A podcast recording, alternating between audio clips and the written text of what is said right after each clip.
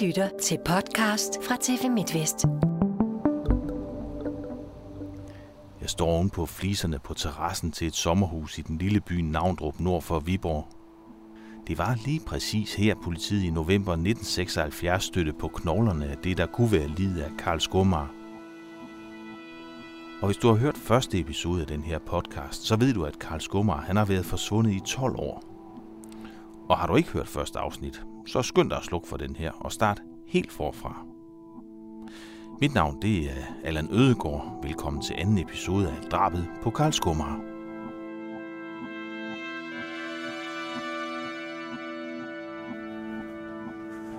Hej, Som du nok husker, jeg kommer fra TV MidtVest. Jeg havde en aftale med Morten Wagner. så var det en ung advokatfuldmægtig, Morten Wagner, Tak. der ledte politiet på sporet af, at Karl Skumar måske var blevet slået ihjel, og ikke flyttet til udlandet med en elskerinde, som politiet vist oprindeligt troede. Han havde efterladt sin overmundsprotese hjemme i privaten. Han havde efterladt sit pas, han havde efterladt sin punkt, han havde efterladt sine nøgler. Og så tænkte jeg, det, det, det, det holder ikke det der. Det er helt oplagt. Øh, Der må være sket en forbrydelse. Det fik politiet til at undersøge Karl Skumars sommerhus i Navndrup. Det var nemlig det sidste sted, han var taget hen, inden han forsvandt. Vi øh, fjernede fliserne i en firkant der, og så begyndte at grave. Og øh, 70 cm nede, der fandt vi øh, de første knogler. Det var armknoglerne. Tage Hornstrup, han er i dag gået på pension. I 76, da de første knogler dukkede op, der var han betjent hos Kriminalpolitiet i Viborg. Kan du huske, hvad du tænkte dengang, I- I stødte på de der knogler der? Ja, øh, jeg tror, det sad meget i baghovedet af mig, at øh, det var jo kun første step, det her. Jeg var ikke i tvivl om, at det måtte være Karl, vi havde fundet. Men den tanke, jeg havde i baghovedet, det var jo, at det var kun første step. Nu skulle sagen jo så opklares. Man kunne ikke have en, en drabsag, der var uopklaret, selvom der var 12 år gammel. Og det kunne godt se tungt ud, og det blev det jo altså også.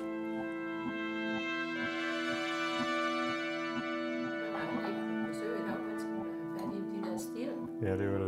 Og det fik du at se. Jeg er taget tilbage til Emmy og Magnus Østergaard, der bor godt 100 meter fra sommerhuset i en større gård. Det var det. Må man godt få et stykke chokolade? Da politiet indtog den lille by der i 76, der gav det en del nye oplevelser. Så øh, begyndte de at grave derhen. De har jo følt nogle folk ude og grave, og så... Jeg tror, det var... Øh, så, så spurgte de, om de måtte ringe herhen fra. Fordi at det, øh, de ville have journalister på der.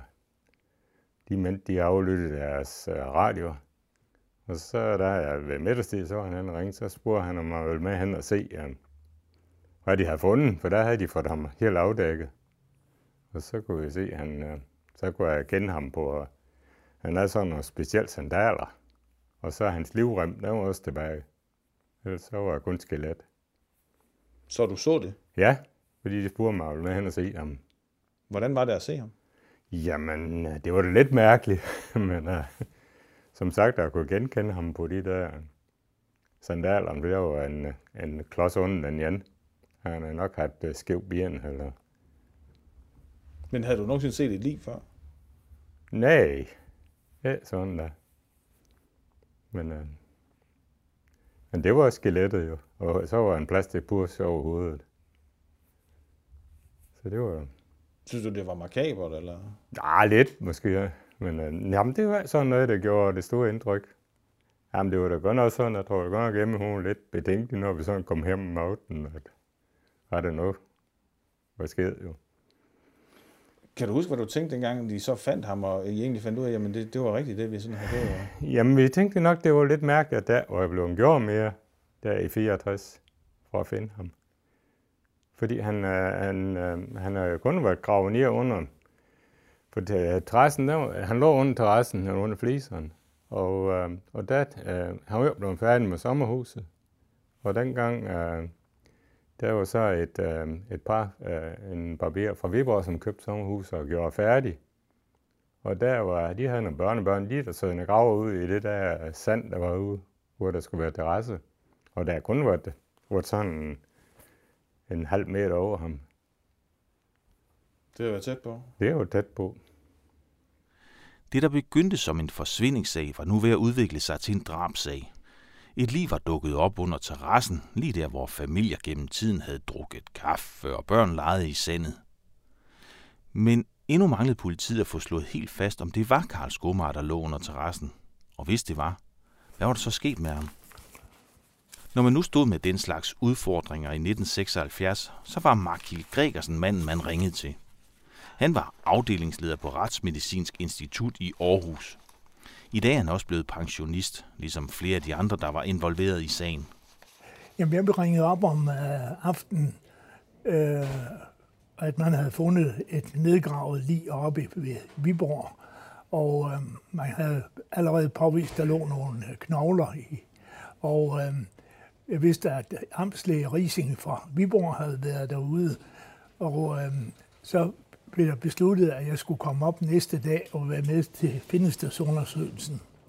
Og så selvfølgelig en senere uh, nærmere undersøgelse og obduktion af den døde. Da du kom derop, hvad var det, du, du så deroppe?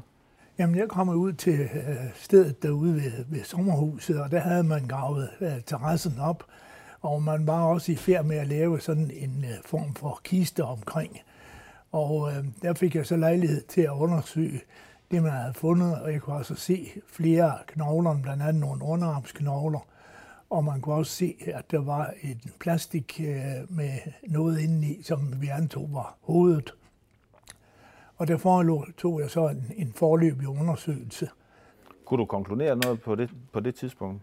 Jeg kunne godt konkludere lidt, at, at det var øh, en, en person, en skeletteret person, og øh, der lå på maven. Og jeg kunne også allerede der se, at der var en, eller mærke, at der var en defekt i, i baghovedet. Men øh, det, det er klart, at man kan ikke foretage en ordentlig undersøgelse øh, på selve findestedet. Hvilken tilstand var livet i? Jamen, det var et skeletteret lig, det var tydeligt.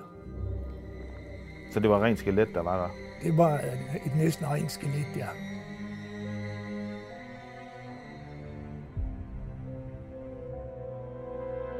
Og han bad om, at vi øh, forsøgte at få ham op i helt tilstand. Forstået på den måde, at vi, øh, at vi gravede ham fri, en firkant fri, øh, med jord og det hele. Og så fik ham op, sådan at han ikke øh, blev splittet ad. Mens retsmedicineren arbejdede, så var kriminalbetjent Hornstrup også til stede i sommerhuset. Og vi fik så fat i Falk, og de hjalp os med at tømre en kasse sammen. Først fik vi ham gravet fri. Det var et større arbejde jo. Og vi fik tømret en kasse sammen, og vi skubbede en stålplade ind under og sådan noget. Men øh, tiden gik, og det blev mørkt, så vi måtte øh, afbryde arbejdet den dag. Og så blev stedet sat under politibevogtning til næste morgen. Så med Viborg politi, rejseholdet, Falk og retsmediciner samlet i en by med kun tre ejendomme og et lige der ret velbesøgt sommerhus, så begyndte snakken selvfølgelig at gå i det lille samfund. Så har jeg så fået at vide, at de ville have nogle presser på i det, inden det, inden det var sådan var kommet lidt hen. Så vi måtte ingenting fortælle. Men de var sådan her ved en lokal smed her, skulle have den her jernplade, som skulle, den skulle være en meter gange to. Og det. Så smeden, der han har skåret den ud, så kører han jo bare af dem. Så kunne han godt se, at de kører ind hen i sommerhuset. Så kom han hen dem her og spurgte fra det var, og gik af malke. Så spurgte han fra det var, hvad er det, der skete derhen? Ja, det vidste jeg jo ingenting om. Ja, du vil heller ikke fortælle noget, sagde han. Så. Men jeg gik jo så langt, de så kom jeg jo ud jo. Men de første tre dage, der, der var ingen... Øh... Men så begyndte journalisterne jo også at komme og skulle, skulle høre. Og det var et noget usædvanligt syn, der mødte dem. Med god hjælp fra Falkfolk lykkedes det politiet at få tømret en kasse rundt om hele livet, ned i det hul, der var blevet gravet på terrassen. Og ved at skyde en jernplade ind under kassen, kunne livet nu løftes op i helt tilstand, så retsmediciner Markil Gregersen kunne forlade sine undersøgelser. Livet blev transporteret op til øh, faldstationen i Viborg, og der havde de en vaskehal, hvor vi kunne undersøge det og ligesom få gravet livet ud. Der var jo en masse sand og sten øh, omkring, og det skulle jo gøres med en vis forsigtighed. Næsten som en arkeologisk undersøgelse.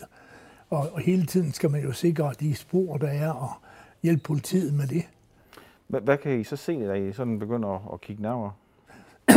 så kan vi jo øh, se hele, få hele skelettet samlet ud. Vi kan se, hvordan vedkommende har ligget i, i, i jorden, og vi kunne også se de effekter, der var omkring. Og det var vigtigt af to grunde. Det ene, det var jo, at vi skulle have identificeret vedkommende. For selvom man nok havde en, en anelse om, det kunne være Karl Skomager, der lå det, så skulle det jo bevises. Og det andet, det var jo også, kunne man sige noget om dødsårsagen. Så det var ligesom de to hovedopgaver, en identifikation og en øh, afgørelse af dødsårsagen. Den første opgave, det var at fastslå, om det var Karl Skomar, de havde fundet. Højden, den passer egentlig meget godt. Dertil kom jo så de effekter, der var. Der var stadigvæk bevaret øh, et par øh, sandaler, og de var ret karakteristiske, fordi han havde slået nogle knopper, noget materiale ind i bunden af dem. Øh, og øh, dertil var der nogle strømper, og der var en livrem, der var lidt af noget undertøj, og øh, så var der den omtalte plastikpose, eller det var ikke en plastikpose, men plastik omkring øh, hovedet. Øh, men man, kan, man vil helst identificere lige på noget, der er på den døde. Og der havde politiet gemt hans protese, øh, fra da han forsvandt i 64. Og så er det altså her, Karl Skomars kunstige tænder endnu en gang får afgørende betydning for sagen. Og så skal du jo huske, at det var før, der var noget, der hed DNA. Og øh, det var overlod vi så til vores øh, retsodontolog, retstandlæge, at undersøge. Og han kunne så se, at der var overensstemmelse, og den protese, den passede nøjagtigt til overkæben. Men derudover så kunne han faktisk vise, at der var et slidspor på protesen efter nogle af de resterende tænder i undermunden. Så man kunne altså faktisk identificere ham med 100% sikkerhed øh, ud fra de tandforhold. Det kunne kun være hans tænder?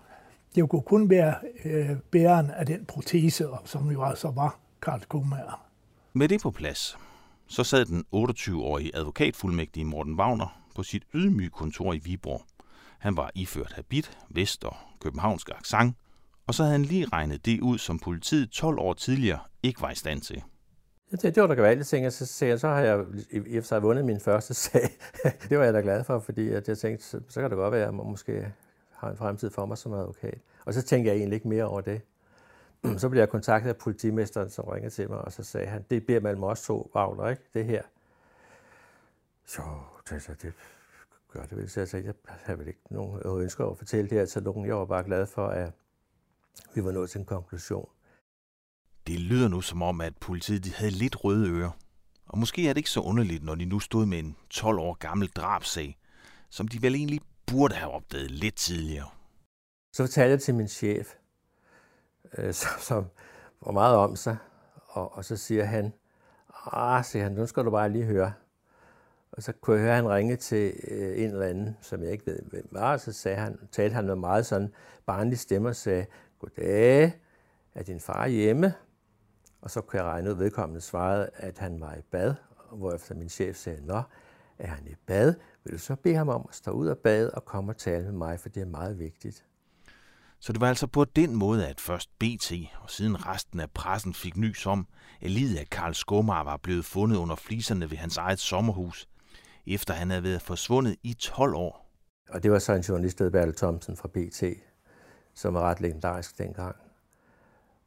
Og så begyndte det at rulle. Der gik ikke mange sekunder før, det var på forsiden af alle landets aviser, og det røg faktisk over hele verden. Øh, ja, det har jeg jo slet ikke selv forståelse for, at det var så noget fantastisk noget det her, men, men det var der altså mange mennesker, der syntes. Så jeg fik sendt en avisudklip helt fra Argentina, kan jeg huske, at der var en avis, øh, som havde det her på forsiden, så det var meget sjovt.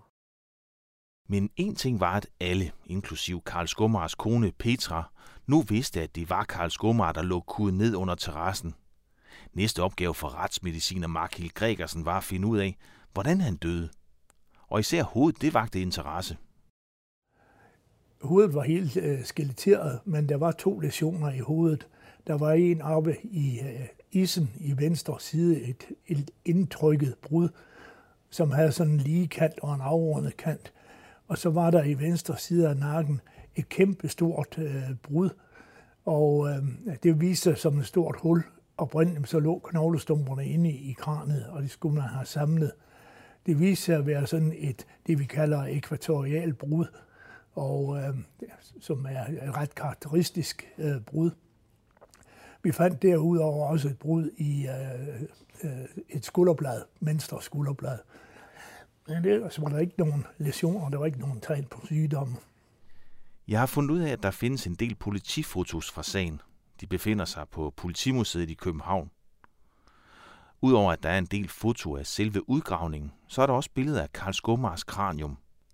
Og her kan man tydeligt se, hvordan der er store huller i skallen som efter slag.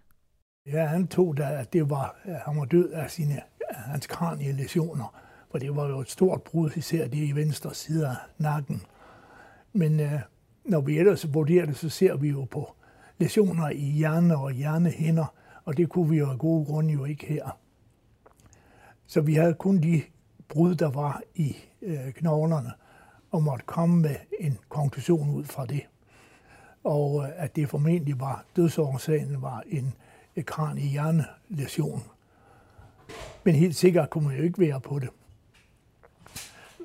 Kom I med noget bud på, hvad der var årsagen til den her lesion? Det gjorde vi allerede i den første.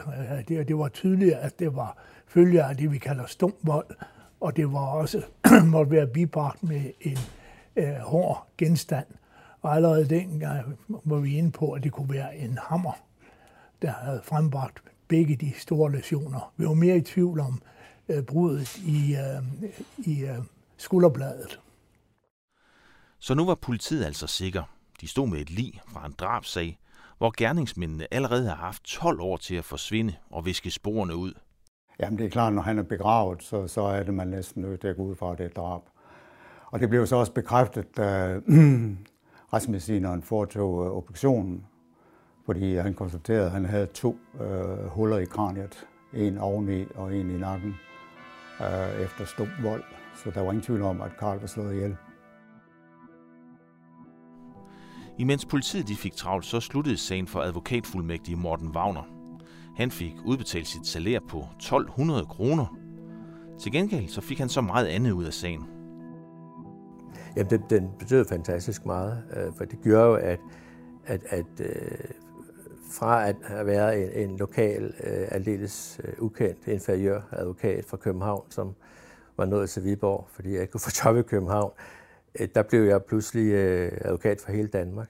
Så jeg modtog jo, og det har jeg jo gjort gennem hele min karriere, henvendelser fra alle egne af landet, fra folk, som havde problemer eller opgaver eller straffesager blev det så sidenhen til, øh, som de mente, at jeg var manden, der kunne klare. Så, så det, var, det, var, det var der virkelig godt skub fremad. Sidenhen der blev Morten Wagner landskendt som forsvar i en række meget mediedækkede sager.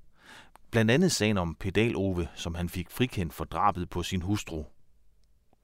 Og igennem hele karrieren blev det lidt et varemærke for Wagner at stille spørgsmålstegn ved politiets efterforskning, præcis som han gjorde under sagen med Karl Skomar helt tilbage i 1976.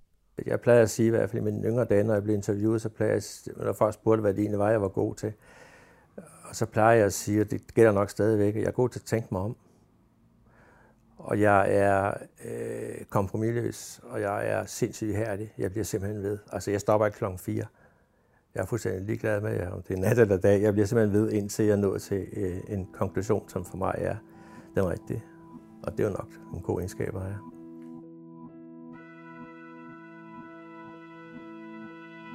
Der var også nogle andre, som sagen var slut for. Nemlig ejerne af sommerhuset, som fik fjernet et 12 år gammelt lig fra jorden under terrassen. Jeg tror, de var glade for, at øh, han blev fjernet fra grunden, trods alt.